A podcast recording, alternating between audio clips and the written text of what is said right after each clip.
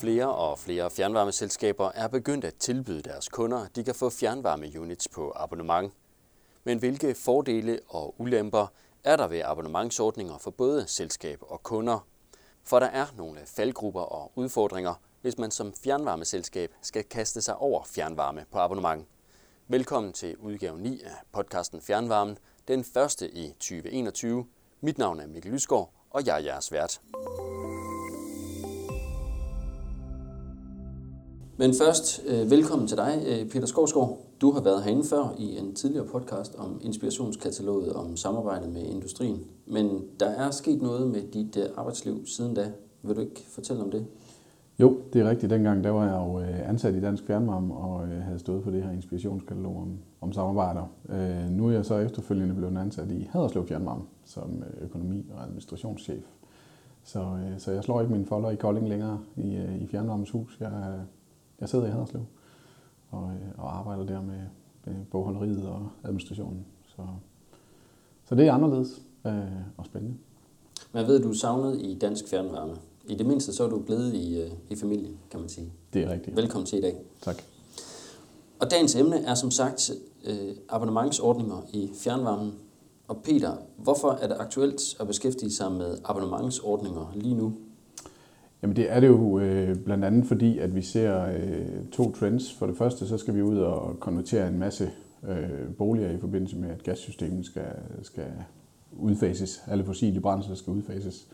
Øh, og nye kunder øh, kan godt blive tiltrukken af, af, af de her ordninger, fordi det er let. Øh, det er, at man undgår sådan en stor engangsbetaling, når man skal ind i fjernvarmen, og man kan køre den her abonnementsordning, hvor, hvor, man, øh, hvor man ikke har øh, selv har ansvaret for, at tingene virker, det ligger man over på, på fjernvarmeselskabet.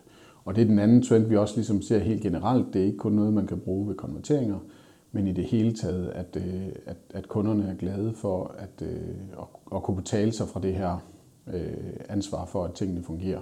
De vil hellere betale en lille smule for sådan en, en aftale, som så gør, at, øh, at de ved, at, at de altid bare har varme, og de skal ikke øh, tilkalde en VVS'er, hvis det går i stykker og sådan noget. De, det er der nogle andre, der tager ansvaret for. Men hvad forstår man så øh, egentlig ved en abonnementsordning? Jamen, øh, det vi snakker om i dag, det er jo abonnementsordninger på, på units. Øh, det kan kaldes, vi ser jo rundt omkring dem, som er i gang, at det kan kaldes meget forskelligt, om det er leje eller leasing eller noget. Øh, men det bedste ord, øh, øh, det er at bruge, det er abonnementsordninger. Og det handler jo om, at, at øh, fjernvarmeselskabet går ud og ejer fjernvarmeuniten, og dermed også overtager service og, og vedligehold af den her fjernvarme, fjernvarmeunit. Øh, så det er det, vi, øh, det er det, vi snakker om i dag øh, omkring abonnementsordninger. Men så er der noget, der adskiller sig fra i forhold til leveringsgrænse? Det er rigtigt. Øh, og det er fordi, at øh, Forsyningstilsynet har været inde og, øh, og vurdere på det her og sige, hvad må man, hvad må man ikke som fjernvarmeselskab. Og, øh, og en af de ting, de har øh, skrevet i, i flere øh, udtalelser, det er, at for at man kan gøre det her, så skal man flytte leveringsgrænsen. Vi er vant til at, øh, at levere ved hovedhanerne i en bygning, og så har vi godt nok øh, også måleren siddende indenfor, men ellers så leveringsgrænsen det er ved hovedhanerne. Nu skal vi flytte leveringsgrænsen om på sekundær siden af uniten, som det hedder, altså om på den anden side af, på den anden side af uniten. Og det, øh, det gør jo så, at, at, at man kan se uniten og, øh, som en del af fjernvarmesystemet. Øh, så, så man ligesom siger, det, det er der, vi skiller fra, øh, fra over for forbrugeren, i stedet for, at det er ved hovedhanerne. Hvad betyder det for fjernvarmeselskabet? Jamen det betyder, at det er faktisk helt afgørende øh, for, at man kan lave det her. Fordi for det første betyder det, at du må gøre det. Øh, I særdeleshed, hvis du er et kommunalt ejet selskab, at det er en, det er en, forpligt, eller en pligt til, det er en, hvad hedder det, en, øh, en forudsætning for, at du må gøre det. Øh, fordi du kan få det ind under, under varmeforsyningen, under varmeforsyningsloven, øh, som det, der hedder hovedvirksomhed. Hvis man gjorde det øh, og ikke flyttede leveringsgrænsen, øh, så bliver det sideordnet aktivitet. Og, øh, og for det første så øh, kan man diskutere, hvor meget kommunale selskaber må lave af sideordnet aktivitet. Og derudover så kan der også være nogle andre ulemper omkring øh, skattepligt og, og øh, hvordan skal økonomien hænge sammen, og hvor meget skal den bære sig selv og sådan nogle ting. Så man skal flytte leveringsgrænsen. Det er, en, øh, det er absolut en hovedpointe øh, når man går i gang med det her. Øh, så, så får man det meget lettere på alle de andre parametre, som vi kommer til at snakke om senere, tænker jeg. Ja, fordi der er jo nogle udfordringer, som fjernvarmeselskaberne skal være opmærksom på, hvis de vil tilbyde sådan en øh, ordning til deres øh, kunder. Vil du komme ind på det? Jamen, det, øh, det er rigtigt. Øh, der er faktisk, øh, vi, har, vi har holdt sådan en workshop i, øh, i august øh, 2020, hvor vi havde øh, mange af de selskaber inde, som, som har de her ordninger. Og, og der er rigtig mange spørgsmål, som dukker op, når man går i gang med at lave, øh, lave sådan nogle ordninger. Øh, forsikringer for at starte et sted. Øh, vi er vant til, at vi, øh, vi dækker til hovedhanerne, og det er vores ansvar, hvis der går noget galt med, med rørene, eller der kommer en vandskade i huset, fordi at det er vores rør, der går i stykker. Øh, vi ville faktisk måske gerne flytte det ud til på ydersiden af soklen, hvis man kun kiggede på det forsikringsmæssigt, fordi så ville vi undgå, at det var vores vand, der skade, lavede skader på huset. Men når vi så går ind og tilbyder sådan en unitordning, så, øh, så flytter vi jo lige pludselig noget af vores udstyr ind i huset, og det udstyr kan også gå i stykker, og går det i stykker, og der ryger øh, 70 grader vand, varmt vand ud i huset, så øh, kan det godt udrette en del skade. Øhm, så der er, et, øh, der er et forsikringsspørgsmål, man skal forholde sig til, at man tager en ekstra, en ekstra risiko her. Det er, det er at sammenligne med, med hovedhanerne, hvis de går i stykker, øh, jamen så ryger der også vand ud. Det er også vores ansvar. Så det er noget, vi et eller andet sted er vant til at håndtere, men vi tager bare en ekstra risiko her, når vi tager ekstra udstyr ind. Og og pointen er, at man skal have fat i sit forsikringsselskab og høre, hvordan, hvordan mener de, at man står. Øh, og måske skal man skrive ind i kontrakten, at, øh, at kunden skal have en forsikring, der dækker i de her tilfælde. Øh, så man i hvert fald har overvejet, hvordan man, øh, hvordan man står på forsikringssiden. Så, så det selv øh, rørene fra hovedhanerne og så ind til uniten, de er faktisk også omfattet af, at, øh, altså at, at lege, eller abonnementsordningen? Ja, det er jo et godt, øh, det er også øh, skruet lidt forskelligt sammen, øh, så øh, der er ikke nogen standard på det her, øh, men vi har set et eksempel på, hvor man siger, øh, nu laver vi en abonnementsordning, og kunden får installationen med, inklusive rørarbejdet, men i det øjeblik, at, øh, at man så er færdig med installationen, så går ansvaret på selve rørene over til kunden igen. Øh, så Okay. Det, jeg tror ikke, det er normalen, men, øh, men ellers ja, så, øh, så er det jo et spørgsmål om, at man tager noget ekstra, nogle ekstra rørmeter med i, øh, i sin, øh, sin risiko.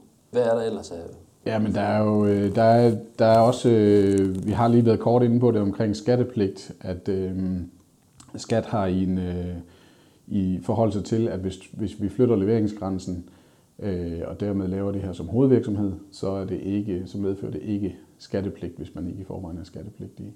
Men det vil det gøre øh, af vores vurdering, hvis man ikke flytter leveringsgrænsen. Så vil det være sideordnet aktivitet, og dermed øh, medføre skattepligt for hele selskabet. Så det er også noget, man skal forholde sig til.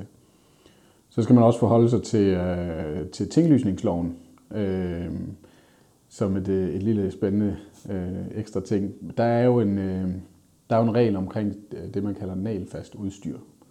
Øh, og at, øh, at det hører med i pantet på ejendommen. Så, øh, så hvis for eksempel en, en ejendom går på tvangsauktion, øh, og fjernvarmeselskabet har en unit sat op ind i bygningen, så må man formode, at den unit den er tabt, fordi den er, går ind i det, det, som bliver dækket til realkreditinstituttet, øh, som jo er dem, der får deres penge først. Og den, der køber ejendommen på tvangsauktion, øh, formoder, at der er et varmeanlæg med, og det står nagelfast i bygningen, og derfor så følger det også med. Så, så der er noget omkring tinglysningsloven, man skal, øh, man skal indvurdere der. Øh, og i samme, og faktisk i samme boldgade, så skal man også være opmærksom på, at vi er vant til øh, at lave aftaler omkring øh, med, med passiv accept. Når man flytter ind i et hus, så får man et velkomstbrev, og så er man fjernvarmekunde, hvis ikke man siger nej tak. Øh, men når der nu ligger sådan en ekstra aftale på noget, som egentlig normalt hører til huset, øh, så er det vigtigt, at den nye ejer af huset er opmærksom på, at der er den her aftale. Og vi har set en enkelt sag på, at hvis øh, at, at, at den nye ejer var ikke blevet oplyst omkring den her aftale, og havde så igen solgt ejendommen videre, så nu er vi ude i tredje led, øh, og de var heller ikke blevet oplyst om den her aftale. Og lige pludselig så stod de jo der og sagde, at det er da vores unit, vi har jo købt hele huset. Og det har de ret i, når man kigger på tinglysningsloven.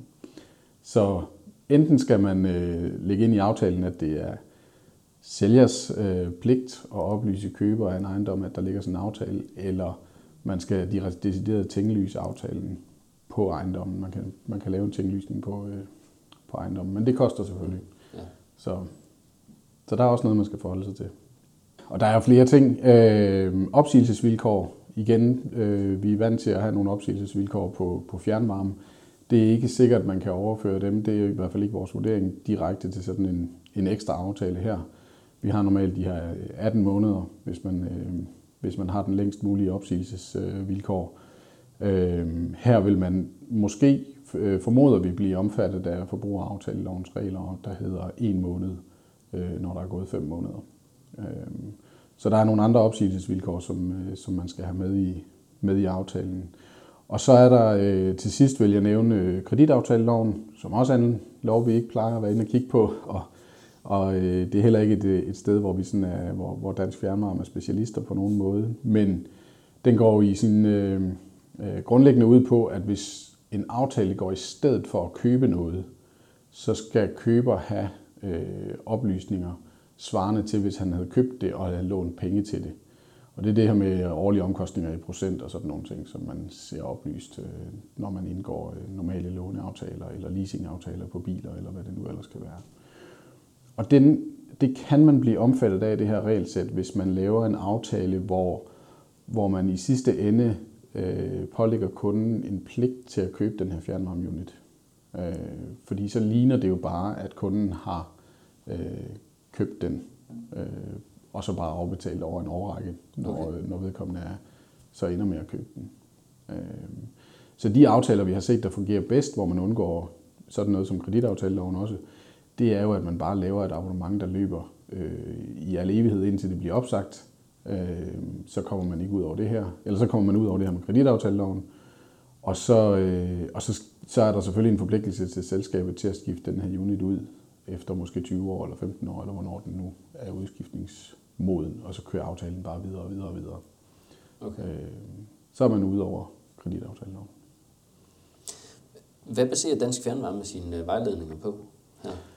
Jamen det, det er klart, at vi har været inde og undersøge en masse ting, når det nu er, er specielle øh, lovgivninger, men, men det vigtigste igen at sige, det er, at vi, øh, vi baserer det på udtalelserne fra, øh, fra Forsyningstilsynet, både en fra 2010, hvor, øh, hvor Vækst har været inde og spørge, som igen bygger på en udtalelse, som er endnu ældre til Sønderborg Fjernvarme, og så har de øh, over for andre af de her selskaber, som er i gang, øh, gentaget deres, øh, deres argumenter i sådan nogle øh, udtalelser, som ikke er offentliggjort, men, men som vi har set. Øh, og det handler netop om det her, må vi overhovedet som fjernvarmeselskab gøre det, og hvad er, hvad er vilkårene for, at det kan, øh, det, det kan komme ind under varmeforsyningsloven som hovedvirksomhed. Og det er, det er det her med, med at flytte leveringsgrænsen, som bliver, øh, som bliver meget afgørende.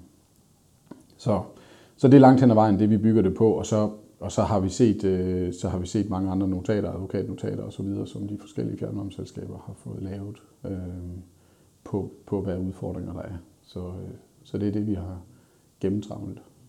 Sådan en ordning her skal jo både være en fordel for selskab og kunde. Hvordan kan eller skal fjernvarmeselskaberne strukturere økonomien? Ja, der er også et økonomisk øh, aspekt i det her selvfølgelig. Øhm, der kan vi også starte i, øh, med forsyningstilsynet og sige, øh, det har de faktisk også forholdt sig til, ved at sige, at øh, der er mulighed for at lave prisdifferentiering, men der er ikke pligt til at lave prisdifferentiering på det her område. Og hvad betyder det så konkret her? Det, det er jo bare et spørgsmål om, skal vi opkræve et ekstra bidrag, eller skal vi ikke opkræve et ekstra bidrag hos kunderne? Og vi har set, at alle, der har lavet de her ordninger, opkræver et ekstra bidrag. Og og det er jo egentlig en prisdifferentiering mellem nogle kundegrupper. Øh, du får stillet en unit til rådighed, som egentlig er selskabets ejendom her, men du betaler også en ekstra tarif for det. Øh, så det er i hvert fald et økonomisk aspekt. Og så er spørgsmålet selvfølgelig, hvor meget skal den tarif så være? Øh, og der skal man selvfølgelig have huske at prøve at lave deres, et regnestykke og sige, øh, hvad forventer vi af vedligehold, hvad forventer vi af ekstra timer, vi skal have folk ud og kigge på de der units. Vi har en forpligtelse til, at de bliver serviceret og, og holdt øje med, også forsikringsmæssigt. Øh, og måske skal de skiftes ud efter, øh, efter de her 15-20 år. Hvordan sørger vi for, at der er økonomi til det? Så der må man jo lave et regnestykke og, øh, og prøve at sætte alle de ting ind og også husk at sætte øh, en, en risikopræmie af til at sige, at vi kommer nok til at tabe et anlæg en gang imellem ved en, øh, ved en tvangsauktion eller, eller noget lignende. Øh, det sker forhåbentlig ikke så tit, men, men sæt en ekstra lille præmie af til det. De fleste selskaber, vi hører, de, her, de er gået efter, at, at det her skal hvile i sig selv i, blandt de kunder, som får den her løsning. Men det er faktisk ikke en, det er faktisk ikke et krav, når du har flyttet leveringsgrænsen og kører det inden for varmeforsyningsloven. Okay. Øh, så må du gerne øh, lade fællesskabet være med til at betale det her. Og det er fordi, man jo fra forsyningstilsynets side har været inde og vurdere, at øh, grunden til, at man laver det her, det er også til glæde for hele systemet. Man for, formentlig får man en bedre returtemperatur, øh, som jo glæder alle kunderne. Øh, og, og når alle kunder får glæde af det, jamen så giver det også mening, at fællesskabet er med til at betale det hele. Så der er ikke nogen pligt til at lave det her ekstra bidrag, men det er en, øh, det er en mulighed. Og når jeg så lige nævner øh, det med, med lavere returtemperatur, så er det jo også et spørgsmål, om, øh, som man er nødt til at forholde sig til. Fordi øh, hvis vi går ud og lover kunderne, at nu får du en unit-ordning øh, eller en abonnementsordning, og så øh, får du lavere returtemperatur, som så ender med, at kunden ikke gør det. Hvem er det så, der har øh, ansvaret for det her, og skal man stadigvæk opkræve en, en, en motivationstarif, øh, når man har sådan en ordning, når nu vi har været ude og tage ansvar for, øh, for den der returtemperatur. Så der skal man lige overveje, hvor meget man går ud og lover, fordi det kan jo ligge andre steder også. Det kan være folks egen radiatorer, det er galt med, eller, eller hvad ved jeg. Øh, så, øh, så der er en overvejelse. Ja, det skal jo også være noget med, at de øh, selv, øh, altså de, kunderne kan jo stadigvæk selv regulere på deres radiatorer. De kan både redigere på radiatorerne, og de kan også gå ud og pille ved den her, det her tilslutningsanlæg øh, i, det, i det hele taget, fordi de er jo til rådighed for dem. Øh, så, øh, så, så det, er i hvert fald, øh, det er i hvert fald lige en overvejelse, øh, at, man, at man skal måske ikke gå ud og love, love alt for meget. Men øh, ja. Øh, hvad er fordelene så for fjernvarmeselskaberne ved at tilbyde og indgå aftaler om, øh, om abonnement? Jamen, øh, der kommer vi jo lidt tilbage til, øh, til, til, hvorfor det er aktuelt lige nu også. Det er, jo, det er jo for det første, fordi det gør det let eller det gør det måske lettere at få nye kunder på, øh, at kunderne skal ikke ud og lægge store engangsbetalinger for at komme på fjernvarme. En ting er, at de skal lægge et øh, tilslutningsbidrag, som de, de er vant til, øh, hvor man selvfølgelig også kan gøre noget på, på den del, men, men derudover så er de jo også skulle ud og investere i en, øh, en fjernvarmeunit og få den installeret. Så alt i alt så løber det jo op øh, i engangsbetalinger og få, øh, og få, få fjernvarme.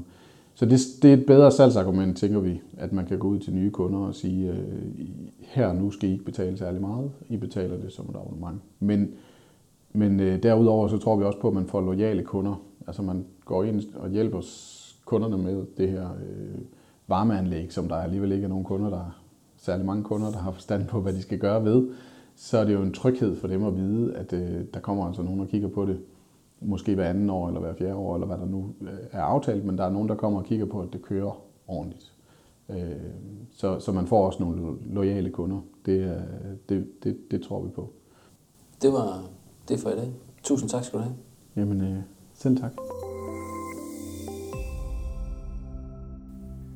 Den 26. januar kom en ny udgave af magasinet Fjernvarmen på gaden – Magasinets tema handler ligesom denne podcast om abonnementsordninger i fjernvarmen.